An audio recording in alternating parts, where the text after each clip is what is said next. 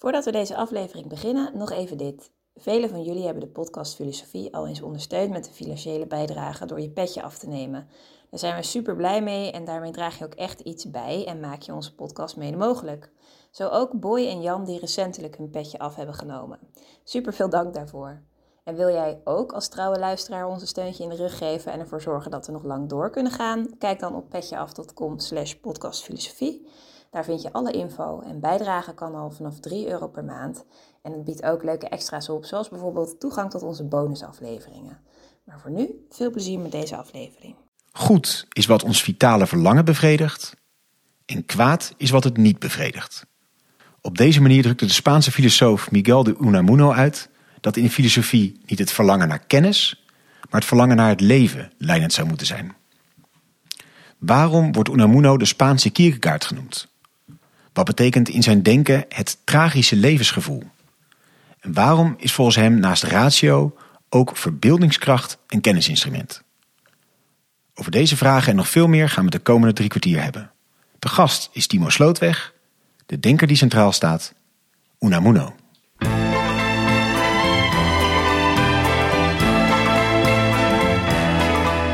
Les docks où le poids et l'ennui me le dos.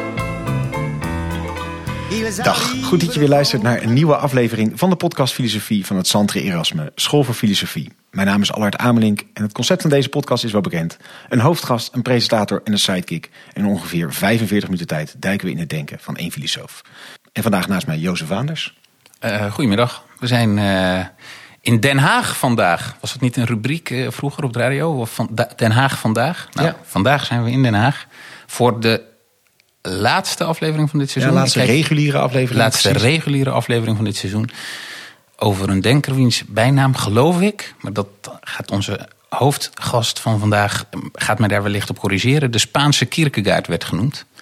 Ja, we dachten nog meteen... we maken er een quiz van, maar je hebt waarschijnlijk de titel van de aflevering gezien. Maar, dat, uh... maar voor het geval je dat nog niet hebt gezien, houden we het nog even spannend. Wie is de Spaanse Kierkegaard? En dan sla ik meteen het bruggetje naar onze hoofdgast. Timo Slootweg. Hij studeerde geschiedenis in Rotterdam en wijsbegeerte in Leiden. In 2000 promoveerde hij aan de faculteit wijsbegeerte te Rotterdam op geschiedenis en ethiek, historisch besef in de traditie van Hegel, Heidegger en Derrida. In Rotterdam doseerde hij vervolgens enkele jaren geschiedfilosofie en momenteel is hij universitair hoofddocent rechtsfilosofie in Leiden. Vorige maand verscheen van zijn hand langs tragische einders verkenningen in de esthetica van moraal en recht. Waarin ook de hoofdpersoon van deze aflevering, dus de Spaanse Kierkegaard, voorbij komt. Dag Timo, mooi dat we bij je te gast mogen zijn en dat jij in onze podcast bent. Goedemiddag, ja, welkom hoor. Ja. ja, en wie is die Spaanse Kierkegaard? Dat is Miguel de Unamuno. En Miguel de Unamuno. En Ik ben zelf ook niet een, een, een, een het Spaans uh, machtig. Maar uh, dat is ongeveer de uitspraak, ja. ja en wordt je, klopt die bijnaam of uh, had je hem nog nooit eerder gehoord? Uh, ik heb hem, dacht ik, wel eens gehoord, ja. ja, ja. Okay. ja het klopt ook wel. Hij is erg beïnvloed door, door Kierkegaard als katholiek. Wat bijzonder is natuurlijk, maar ook door, door zoveel anderen. Door Pascal en ook heel sterk door Nietzsche. Wat wel interessant is voor een religieuze denker. Ja, we gaan het over hem hebben inderdaad. Uh, Miguel de Unamuno was schrijver, filosoof en dichter. Geboren in 1864 in Bilbao in Spaans Baskeland. Hij studeerde letteren en filosofie en promoveerde in 1884 op het proefschrift Oorsprong en Prehistorie der Basken. Hij werkte tot uh, 1891 als docent in Bilbao en daarna werd hij hoogleraar in Salamanca. Hij was politiek gezien uitgesproken, wat hem achtereenvolgens in conflict bracht met de dictatoriale regimes van Primo de Rivera en na de Spaanse burgeroorlog Franco. Door de eerste werd hij uit zijn functies gezet en verbannen naar de Canarische eilanden. En na een kort herstel werd hij door Franco opnieuw uit zijn functies ontheven en onder huisarrest geplaatst tot aan zijn dood. Mocht hij niet eens naar de Canarische eilanden? Nee, precies. dat was jammer.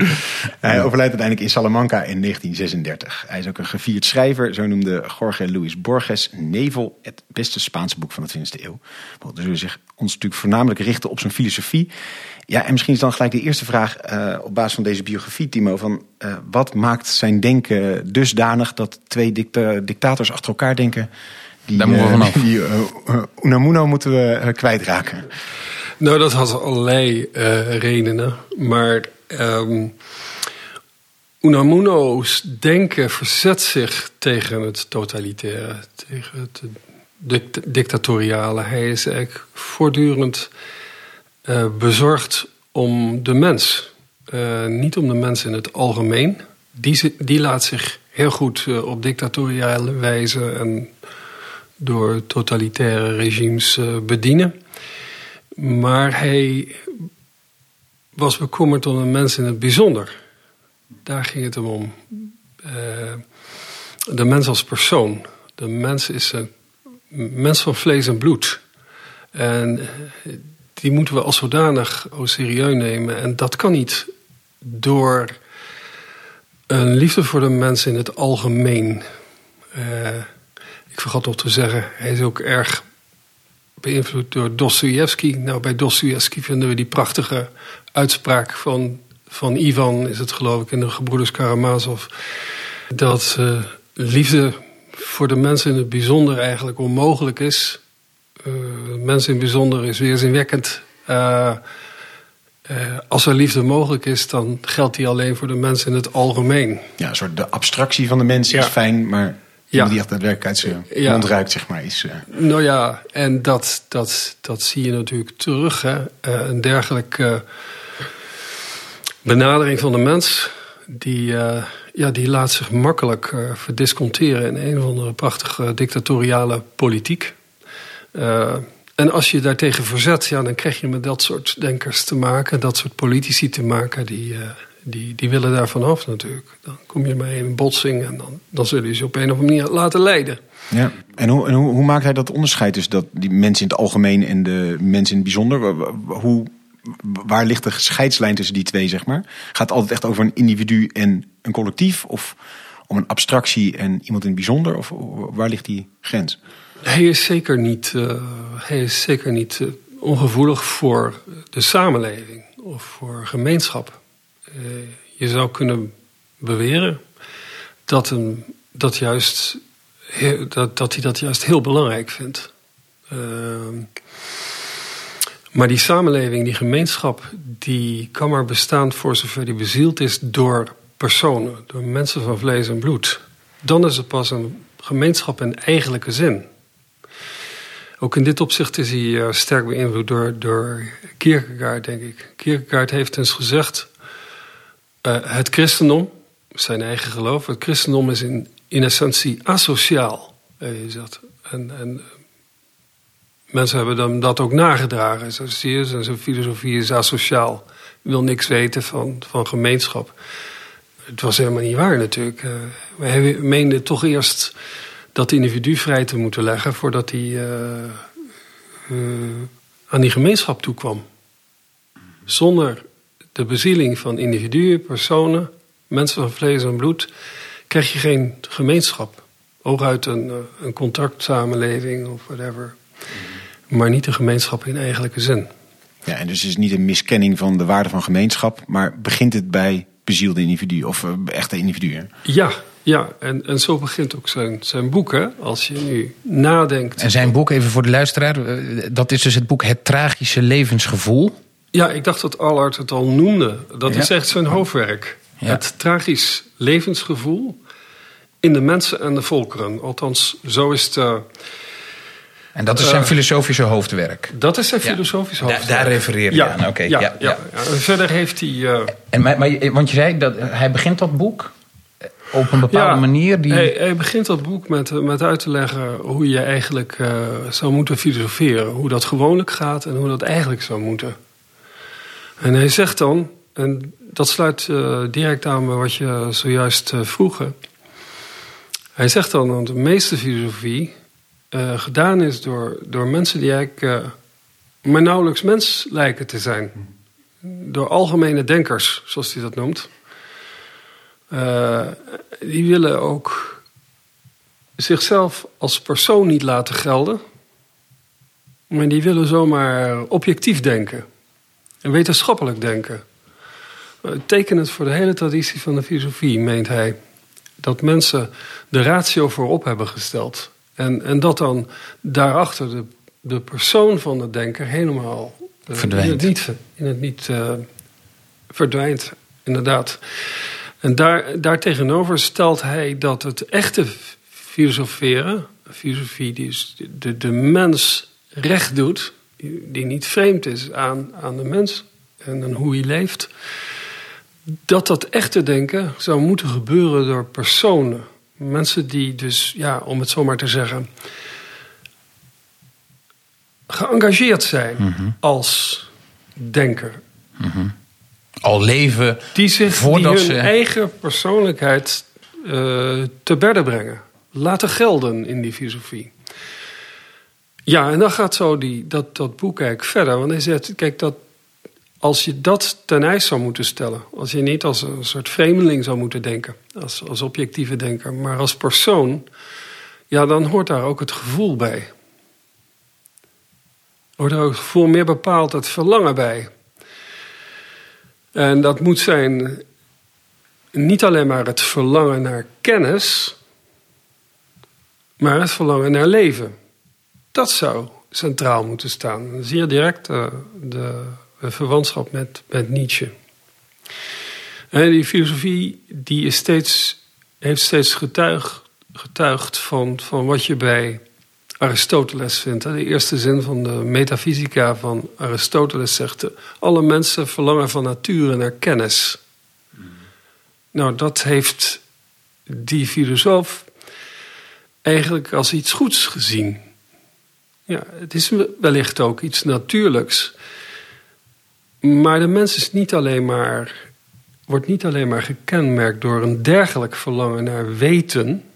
Dat kenmerkt hem ook, volgens Unamuno.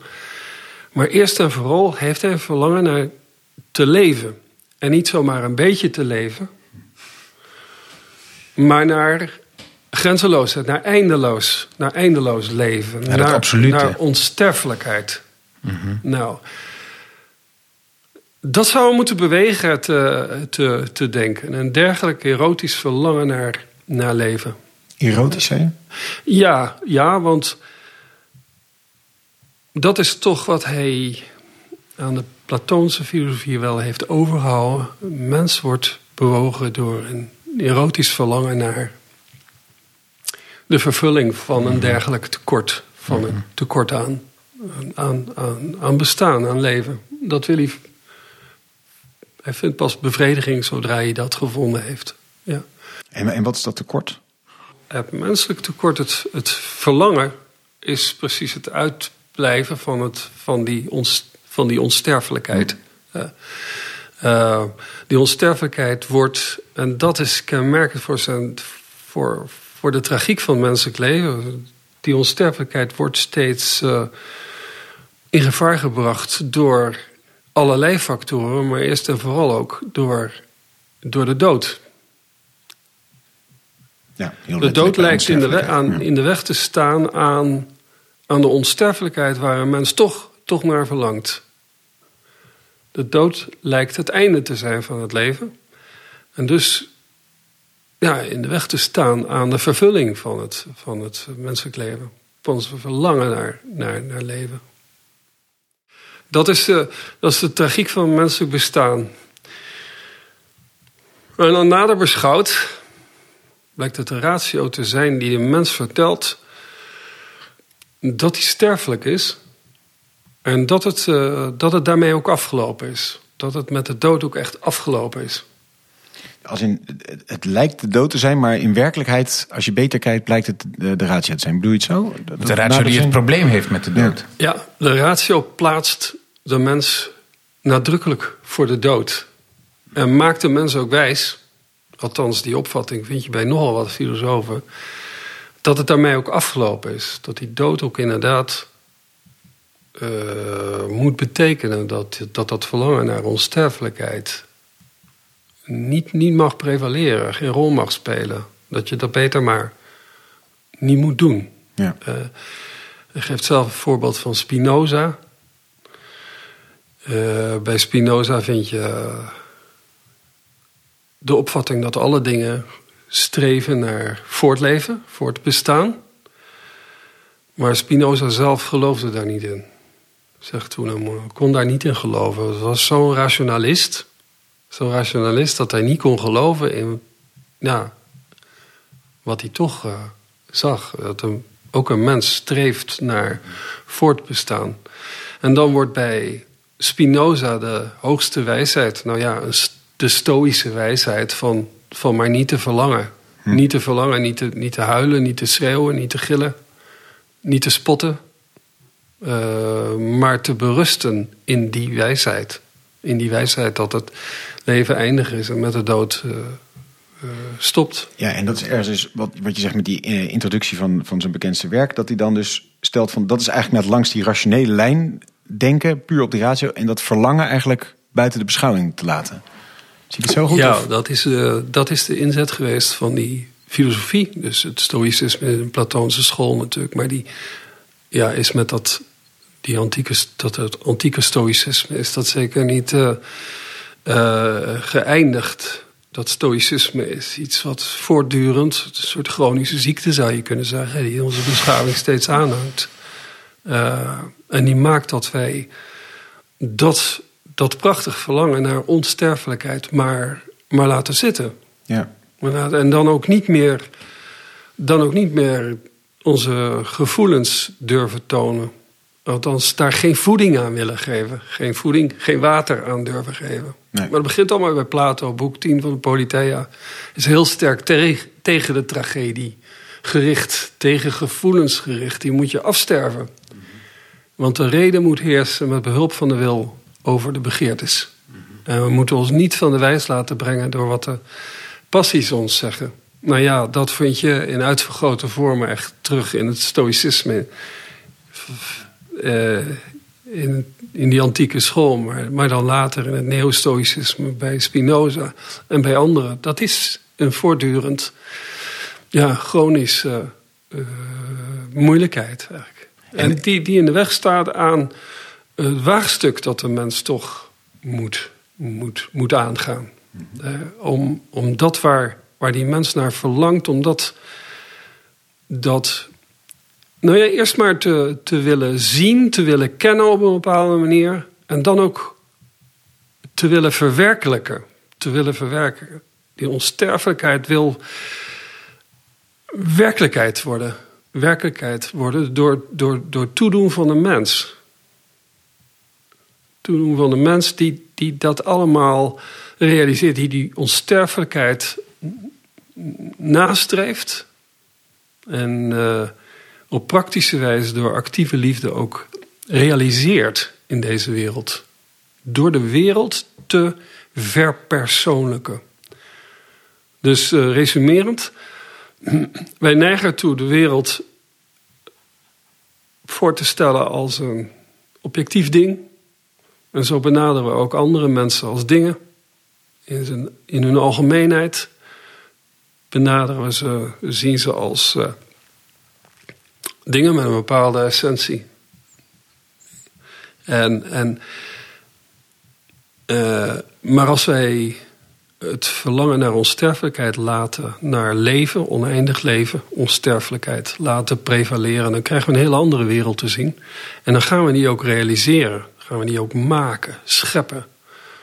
Dan worden we kunstenaars en dan wordt de wereld ook inderdaad zoals we die, zoals we die willen zien. Zoals we die willen zien. Maar gaan we hem echt helemaal volgens Unamuno realiseren? Of, of blijft dat uiteindelijk een, een, een punt aan de horizon waar je nou, in dat tragische levensgevoel wel uh, hoopt naar onderweg te zijn of je opricht. Maar zegt Unamuno echt dat je dat op een of andere manier in het leven kan realiseren? Dat, dat... Um, nou, het is, je stelt dat nu zo tegenover elkaar. Uh, maar dat hoeft misschien niet. Hij, hij heeft het inderdaad over het verwerkelijken van het beeld dat wij zien. Zodra wij verlangen naar onsterfelijkheid, dan zien we de wereld ook zo.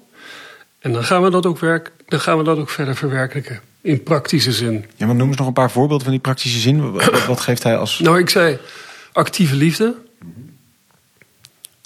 Dus als jij door het verlangen naar onsterfelijkheid ook gaat geloven in die wereld, dan ga je ook van dat geloof getuigen. En dat doe je in de zin van een actieve liefde. Actieve liefde houdt in dat je mensen inderdaad in concreto benadert als mensen van vlees en bloed. En ze niet als een ding beschouwt waar je maar tegenaf kan zetten of waar je toe moet verhouden. Maar je gaat ze benaderen als een naaste. En je gaat ze helpen omdat je zonder hen. Je gaat ze helpen in liefde, omdat je zonder hen ook niet de onsterfelijkheid kan verwerven. Want waarom kan dat niet zonder hen?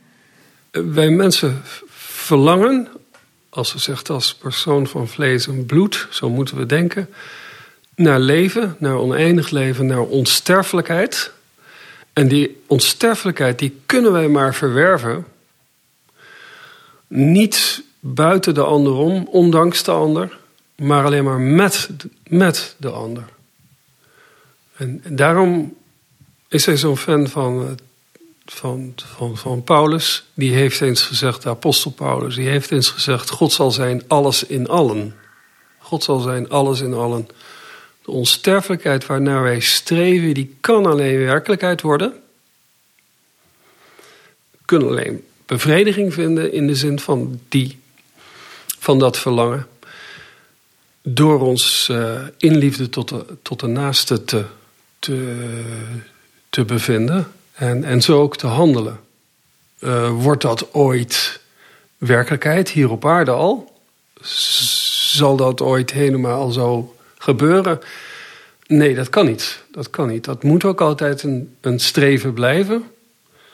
Uh, waardoor, waardoor ook de tragiek van het leven bewaard, bewaard moet blijven, in zekere zin. Maar dat is die actieve liefde. En, en ja. je noemde net ook kunst al even in een, in een bijzin als, als vorm of... Ja, ja.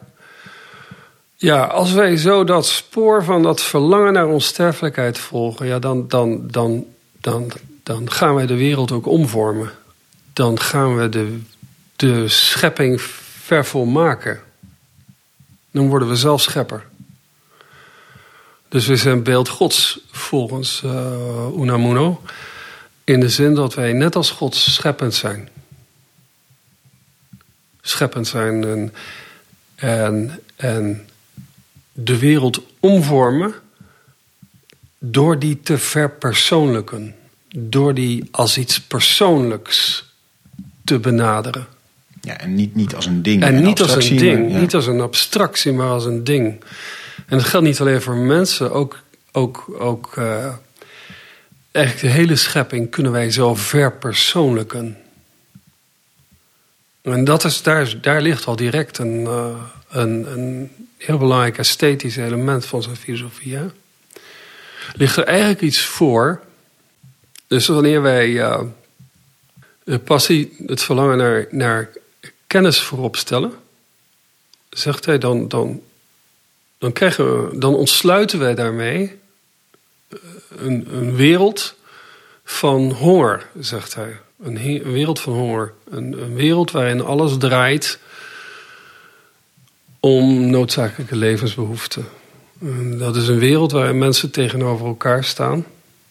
Uh, die elkaar ook uh, beconcurreren, naar het leven staan. En dan moet in die wereld op een of andere manier iets van gemeenschap ge, ge, tot stand komen.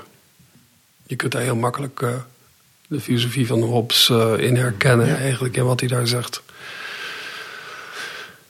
Als, als wij het verlangen naar onsterfelijkheid voorop stellen, dan ontsluiten we de wereld op een heel andere manier. Dan openbaren we de wereld daardoor op een heel andere manier. Dan komt die wereld naar voren als een, als een wereld van liefde.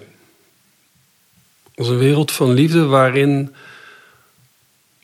mensen in liefde met elkaar samenleven. Daarin gaat het niet om het noodzakelijke, maar in het mogelijke. Daarin worden dingen mogelijk. God is dat alles mogelijk is. Voor God is alles mogelijk en God is dat alles mogelijk is. Maar een dergelijke mogelijkheid openbaart zich alleen op het moment dat wij inderdaad het verlangen naar onsterfelijkheid laten gelden. Het verlangen naar leven voorop stellen. Wanneer wij als, als persoon, als mens van vlees en bloed denken. Dan pas evoceert je, evoceer je daardoor een, een, een, wereld die op een dergelijke manier is geconstitueerd. En, en hoe doe je dat dan? Zegt hij, wat zijn dan je kennisinstrumenten? Nou, bij, dat, bij die eerste, bij de wereld van de honger, gaat het om je ratio, je intellect. Maar bij die tweede wereld is het, zijn het, is het de verbeeldingskracht. Zijn het die esthetische kenvermogens, zoals de verbeeldingskracht, die dat alles tevoorschijn roepen. Dat is, dat is wel bijzonder. Dus verbeeldingskracht is een, een kennisinstrument. Waarmee je dus een wereld tevoorschijn roept.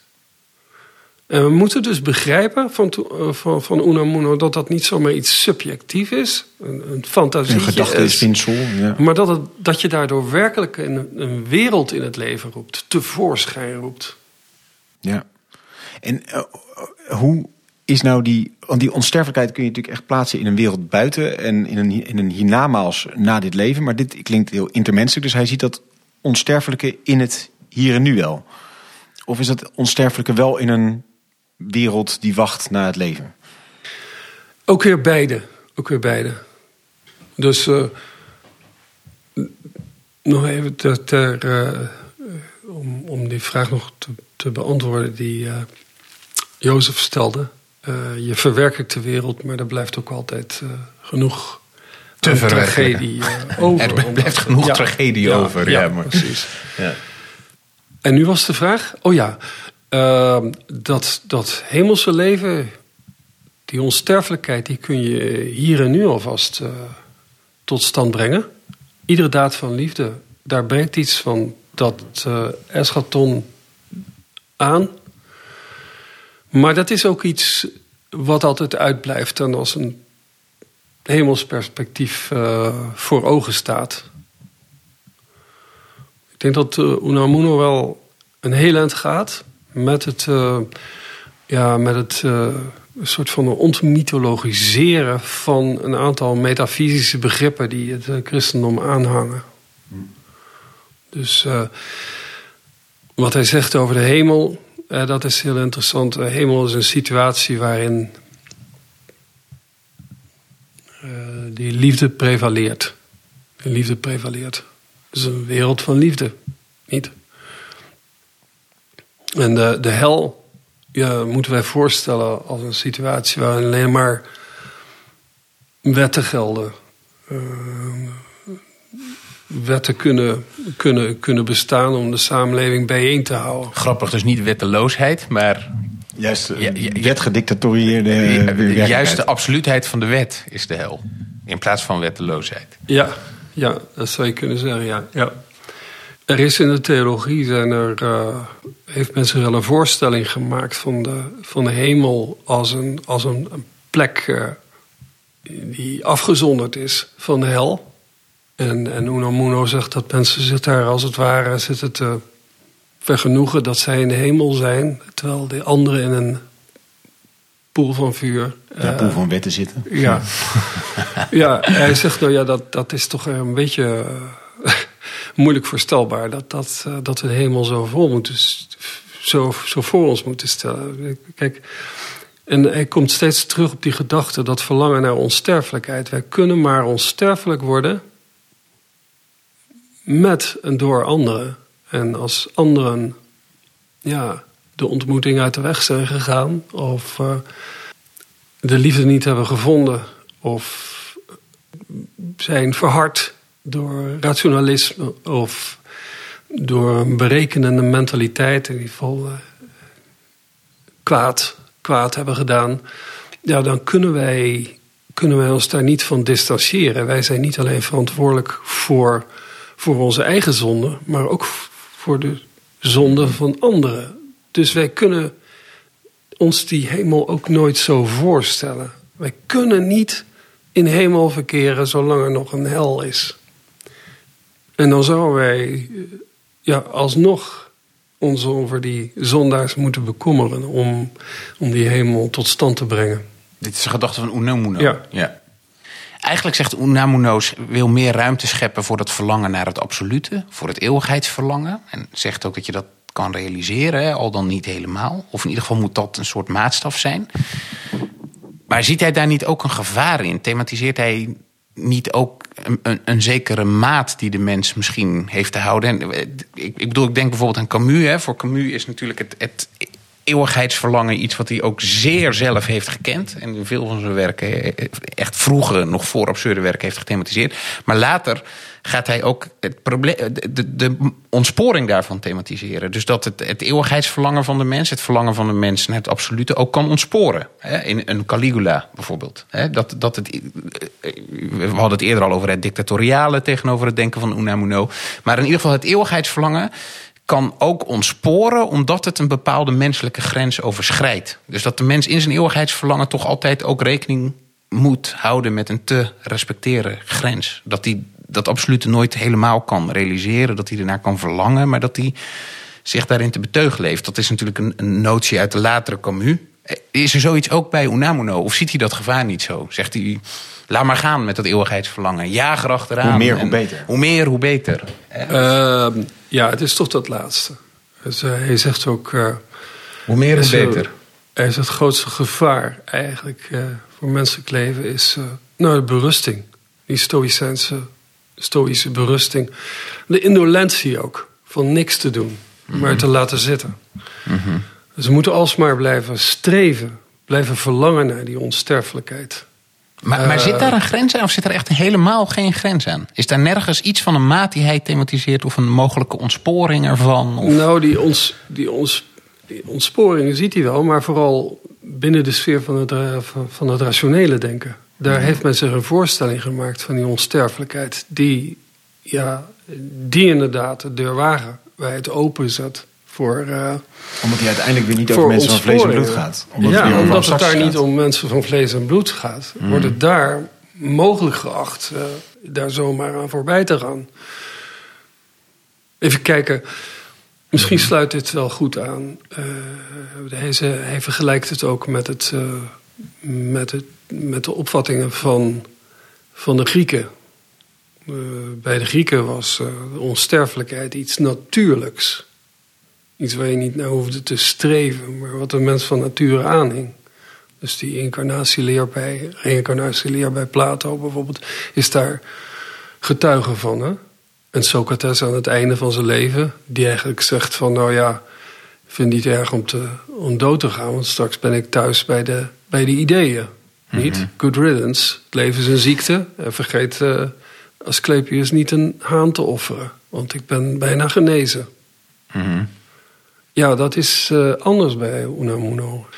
Sowieso benadrukt Paulus, op wie hij zich beroept, dat de mens opstaat in het lichaam.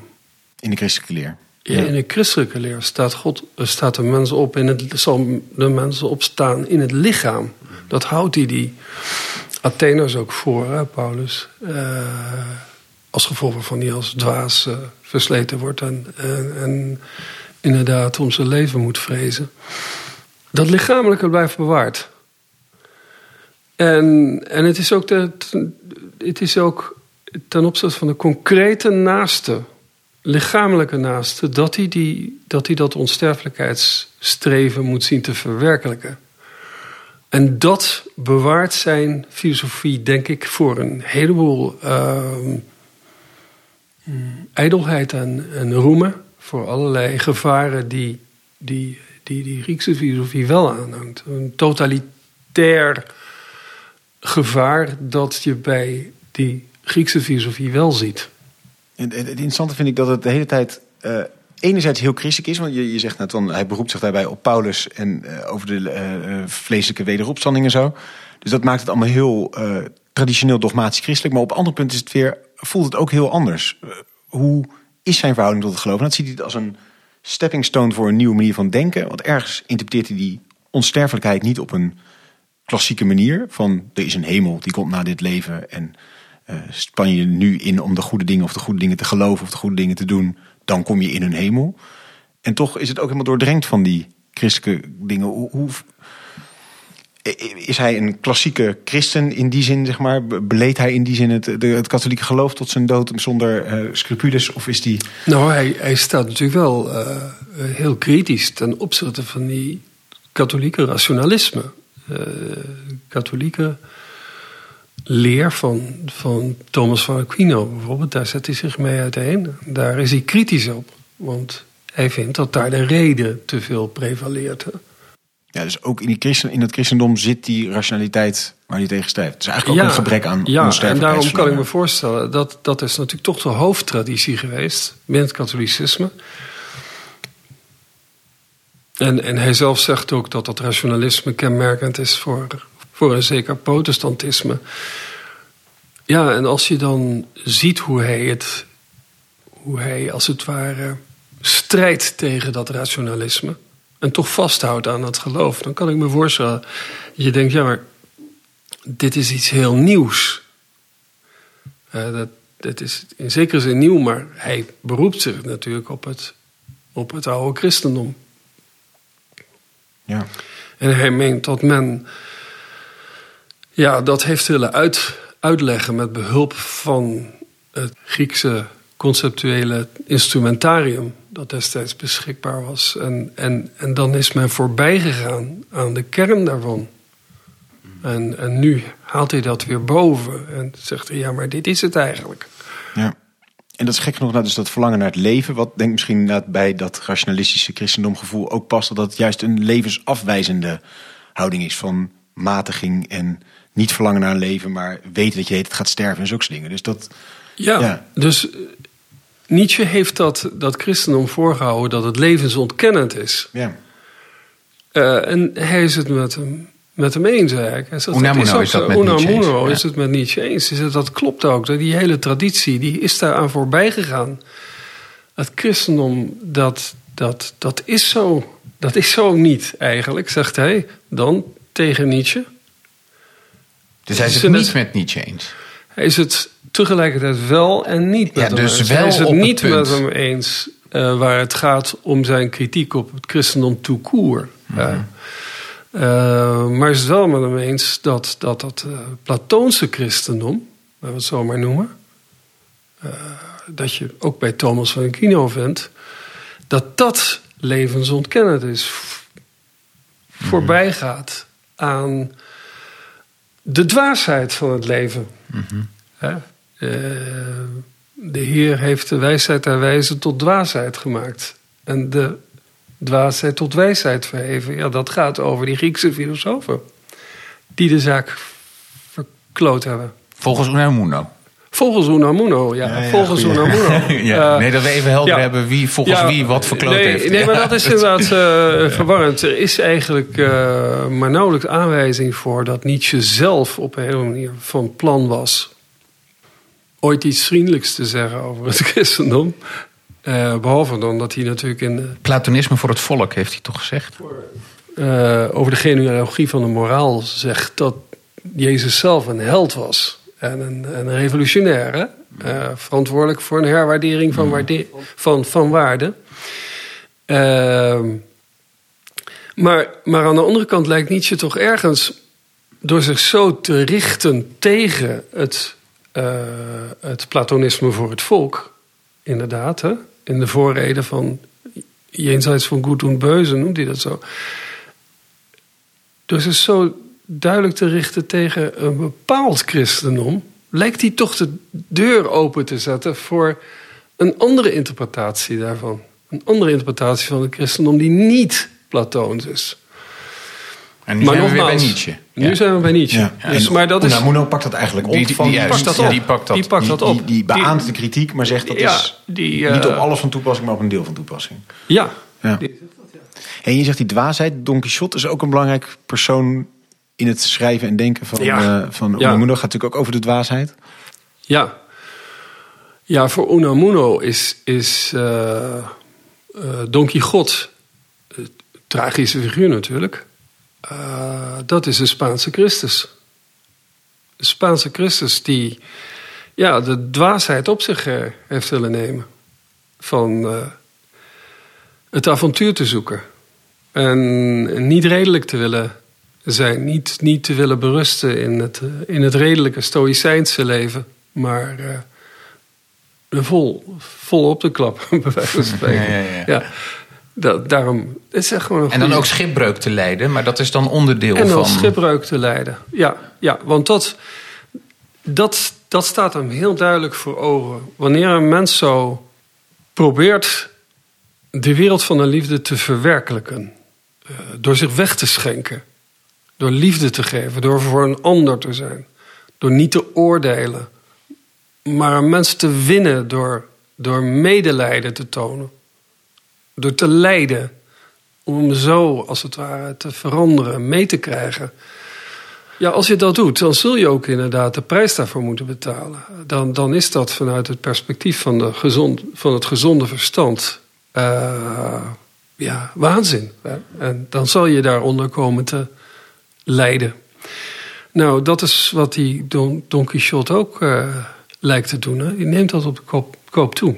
De prijs die hij daarvoor moet betalen voor zijn avonturen, zijn geloof in, in zijn dromen. Daarvoor krijgt hij bij ieder verhaaltje krijgt hij weer de prijs te betalen. Ja. En je zegt al de Spaanse crisis. Uh, Unamuno heeft überhaupt toch een, een soort speciale plek voor Spanje in zijn hart of in zijn denken? Ja, dus uh, in die tijd uh, bezon men zich eigenlijk op de toekomst van Spanje. Spanje had eigenlijk net die Spaanse koloniën in Californië en in de United States waren ze kwijtgeraakt.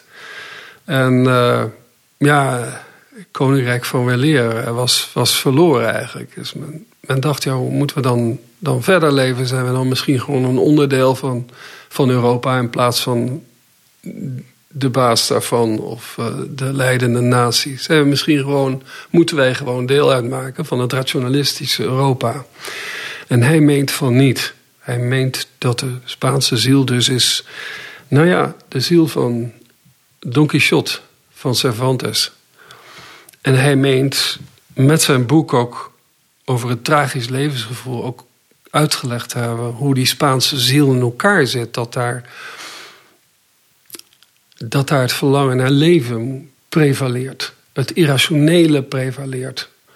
En dat Spanje moet vasthouden aan zichzelf en, en als zodanig van betekenis moet proberen te zijn voor Europa. Dat zonder de Spaanse ziel in, in nationalisme verloren gaat.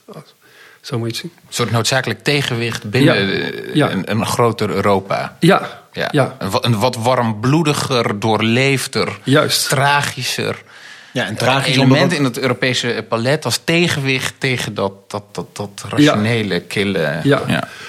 En waarom dan tragischer dus inderdaad? Ja, ja dus inderdaad. Dat moet steeds toe, toe worden gelicht. Uh, de menselijke ziel is een vat vol tegenstrijdigheden. Ik had het al over dat verlangen naar kennis en het verlangen naar leven. Naar oneindig leven. Niet een beetje, maar onsterfelijkheid. En dat moet ook zo, hè? Dat Spaanse mystiek die ziel ook, die moet tragisch zijn, die moet tegenstrijdig zijn, zegt hij. Want uh, ja, ofwel verval je anders in een, in een rationalisme, ofwel verval je in het geloof van de kolenbrander, zegt hij. In het geloof van de kolenbrander. Dat zomaar zonder enig bezwaar allerlei dogma's overneemt zonder die te willen betwijfelen. Het echte geloof dat, dat, dat ontworstelt zich steeds aan sceptisch. En die is nodig. Is nou, de reden is nodig in de zin van die, dat die, dat die het geloof steeds betwijfelt. Uh, aan die skepsis ontvlamt het ware geloof. Het ware geloof, je zei, het is eigenlijk de Spaanse Kierkegaard, ja, daar komt dat naar voren. Het eigenlijke geloof is wat je steeds, dat, zich, dat ontvlamt aan, aan skepsis, aan niet zeker weten. Dat mag nooit in een zeker weten verzanden.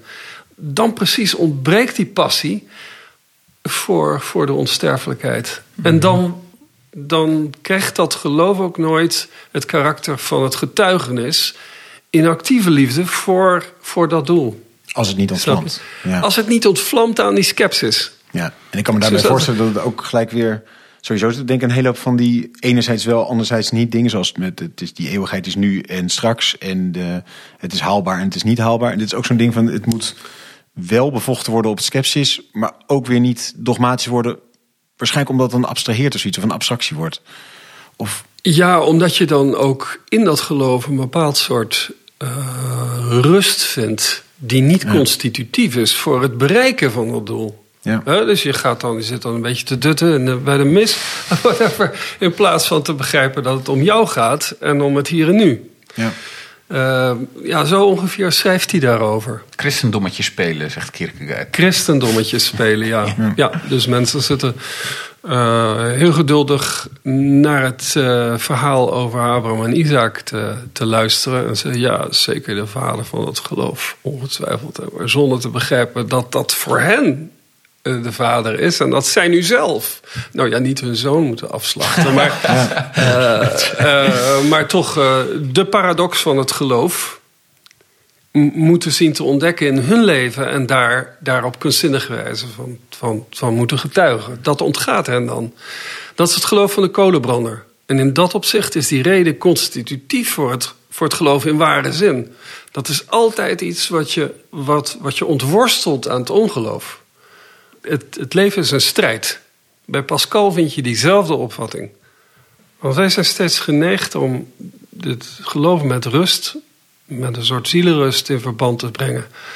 Maar deze denkers, Unamuno voorop, die Met doen dat niet. Die, die zien dat agonistische, wat ook voor Nietzsche zo cruciaal is, dat zien zij in het geloof.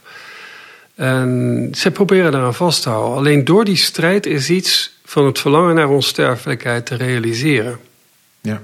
En niet door je op te sluiten in de, in, in, in de, in de grotten. Vredeberusting van. In de grotten die eh, in, Nietzsche noemt kerkergrotten. Eh, maar door eh, in de wereld, in het hier en nu, dat proberen waar te maken. Dank. Ehm, we hebben het gehad net over Miguel de Unamuno. Eh, een man die dus eh, in zijn leven meermaals verbannen is geweest. En ja, waarom is dat nou? Ehm, eh, door dictatoriale regimes gebeurde dat. En dat is toch wel omdat hij in zijn denken heel erg niet het heeft over de mens in het algemeen, maar de mens in het bijzonder. Een mens van vlees en bloed. En als we die serieus willen nemen, moeten we niet de mens in het algemene liefhebben of de mens in het algemeen beschouwen, maar echt ja, in zijn eigen existentie. En ja, dat staat natuurlijk op gespannen voet met regimes, zeker met een totalitair systeem daarachter, die de mens wel als een eenbakkenzelfde vorm willen neerzetten en, en dat willen opdringen. Het is niet zo dat Unamuno geen aandacht heeft voor gemeenschappen. Hij zegt, jawel, natuurlijk, die zijn hartstikke belangrijk... maar die moeten bezield en bewoond worden door mensen van vlees en bloed. En, ehm, en heel, zijn belangrijkste werk is het tragische levensgevoel. En dat begint eigenlijk met een hele fundamentele vraag. Namelijk, hoe moet je filosoferen? En daarin zien we echt een duidelijke twee richtingen, eigenlijk twee afslagen. Hij zegt namelijk, hoe moet je filosoferen? En hoe is dat tot nu toe nou altijd gedaan? Nou, heel vaak wordt filosofie gedaan door mensen ja, die eigenlijk haast zelf niet van vlees en bloed lijken te zijn. Die proberen objectief, rationeel, van een afstand beschouwend eh, ja, de, de wereld te, te bekijken. En daardoor verdwijnt ja, de persoon daarachter. Unamuno probeert te zeggen van ja, je moet recht doen aan de mens. En echt denken, dat kan alleen door personen zelf gebeuren. Die geëngageerd zijn. Die ook een eigen persoonlijkheid laten spreken. En dus moet je niet alleen de ratio laten spreken, maar ook de verlangens die in je mens zitten. En ehm, nou, bij Aristoteles haalt hij vandaan, ja, de, de mens heeft een verlangen naar weten. En hij zegt, ja, dat is eigenlijk veel te leidend geworden in de filosofie. We hebben een verlangen naar kennis inderdaad, een verlangen naar, naar weten, maar ook naar een verlangen naar het leven. En daar zit eigenlijk ook een verlangen naar onsterfelijkheid aan, namelijk dat dat leven nooit eindigt. Dus dat verlangen is niet zomaar iets, niet een verlangen naar iets kleins, maar nee, naar dat absolute, het eeuwige, het onsterfelijke. Timo noemde het het erotische verlangen naar een vervulling van een ja, altijd aanwezig menselijk tekort, namelijk dat er uiteindelijk de dood is. Maar als je dus goed kijkt, dan blijkt het vooral eigenlijk de ratio te zijn die ons telkens ja, de dood voor ogen plaatst. En telkens eigenlijk de mens wijs maakt dat de dood inderdaad het einde is. En dus moet je niet meer verlangen naar die onsterfelijkheid. Hij heeft het onder andere over Spinoza. En die ziet dat in alles, alles streeft naar doorleven, naar voortbestaan. Maar zegt Spinoza, ja, daar moet je uiteindelijk niet doen. Wijsheid is uiteindelijk berusten in de wetenschap dat het leven eindigd is, eindig is. Dit hele denken begint bij Plato. Die zegt uiteindelijk van natuurlijk de reden moet heersen over de passies. En wat is nou het grote waagstuk waar de mens voor, moet, eh, voor staat en die die moet aangaan? Is enerzijds dat verlangen kennen van, naar dat onsterfelijke. En tegelijkertijd ook proberen dat werkelijkheid te laten worden. Nou, hoe kan dat? Ehm, ja, door actieve liefde noemde Timo als een, als een belangrijke. Dat gaat dus net over het idee dat je uiteindelijk anderen en de hele wereld rondom ook moet benaderen als zaken van vlees en bloed, van mensen van vlees en bloed. Je moet ze helpen omdat je uiteindelijk zonder hen die onsterfelijkheid niet kan bereiken. Je moet ze niet als dingen en als uh, instituties zien, maar ja, dat alles zien als mensen en dieren en wezens van vlees en bloed. Hij noemt mensen de hele wereld wil benaderen als van vlees en bloed. Daarmee gaan we de schepping voltooien door het dus te verpersoonlijken. En dat heeft ook iets esthetisch. Want waarbij de kennis centraal staat, dan gaat het heel erg over de ratio en over het denken. Dat creëert een wereld van honger en van strijd, van tekorten. Eh, terwijl als je die onsterfelijkheid centraal stelt, dan ga je een wereld van mogelijkheden denken. Niet van noodzakelijkheid, maar van mogelijkheid. En daarbij is verbeeldingskracht heel belangrijk. Dan roep je die andere wereld tevoorschijn ook in je gedachten. Um, en ook dat is dus een instrument van kennis, verbeeldingskracht voor Unamuno. En niet alleen de ratio, die natuurlijk het meest leidend altijd is in de filosofiegeschiedenis. Um, kun je dat hemelse leven nou dan al bereiken? Is dat al haalbaar? Uh, ja en nee. Enerzijds moet het uh, nog uh, tot stand komen. Er zal altijd een tekort blijven. En tegelijkertijd kun je dus ook door actieve liefde het op een bepaalde manier scheppen. En is dat hemelse leven nou iets wat in een hiernamaals is, dan en ooit? Nee, het is ook in het heden realiseerbaar, maar ook weer niet volledig. Dus daar blijft een permanente strijd in. Is Unamuno dan daarmee een hele klassieke christelijke denker, omdat het gaat over onsterfelijkheid, omdat hij Paulus aanhaalt en het over de opstanding van eh, de doden heeft. Ja en nee, want ergens ontmythologiseert hij ook wel echt bepaalde christelijke dogma's. Bijvoorbeeld de hel maakt niet een plek van vlammen van, maar een plek van wetten. Terwijl de hemel is de plek waar die liefde prevaleert. En hij zegt ook dat zijn geen gescheiden werelden, want we zijn altijd verantwoordelijk ook voor de ander. Het kan niet zonder de ander, het moet met de ander. En eh, zolang er dus anderen in de hel zouden zitten, zit er nooit eigenlijk iemand echt in de hemel. En op een andere manier is hij ook uh, niet traditioneel christelijk, omdat hij heel erg de strijd benadrukt en zegt: ja, berusting is een groot gevaar. Er moet geen grens zetten aan dat verlangen naar die onsterfelijkheid. En er is dus heel erg de nadruk op het lichamelijke, wat natuurlijk ook in het christendom zit met een uh, opstanding der doden op een dag. Uh, maar hij zegt dus ook, nou, het is geen afwijzing van het lichaam. Nee, dat, dat hele heden moet daar ook in betrokken worden. Het is niet een nu wachten tot er ooit iets komt, maar ook een hedendaags en heden ten dagen streven van die onsterfelijkheid. Dat werkt door in het heden. Um, en hij zegt dus, hoe kan dat nou? Waarom zit er zo'n strijd tussen dat traditionele christendom en het christendom van Unamuno, om het zo te noemen. Hij zegt ja, omdat het rationalisme ook in het christendom en in het katholicisme terechtgekomen is. Hij ziet het ook bij protestantisme terug. En daarmee sluit hij eigenlijk erg, erg aan op Nietzsche, die ook zegt ja, christendom is zo levensontkennend. Unamuno beaamt dat, maar zegt wel ja, dat is dus een bepaalde vorm van het christendom, het Platoonse christendom, dat een mix aangegaan is met het Griekse denken. Terwijl het ware christendom, zou je kunnen zeggen, is een, ja, een dwaasheid. Is juist uh, tegen uh, dat rationalistische, maar gaat ook over het levensbevestigende juist. En ja, die dwaasheid, dat is een personificatie daarvan, is natuurlijk Don Quixote. Uh, de Spaanse Christus noemt hij het. Noemt hij hem.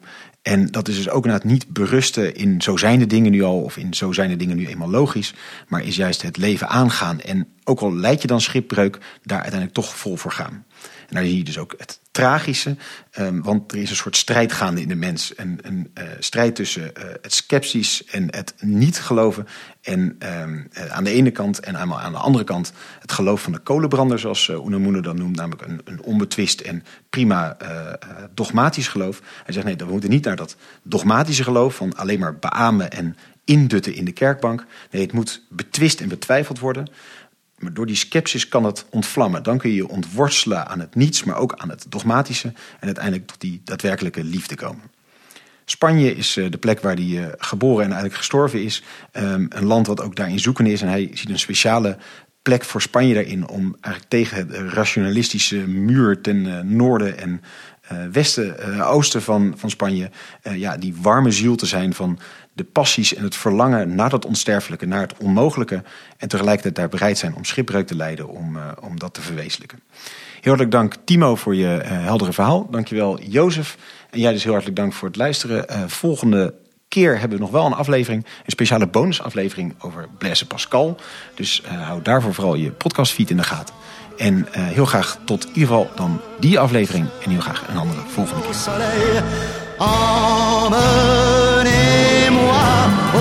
De la terre.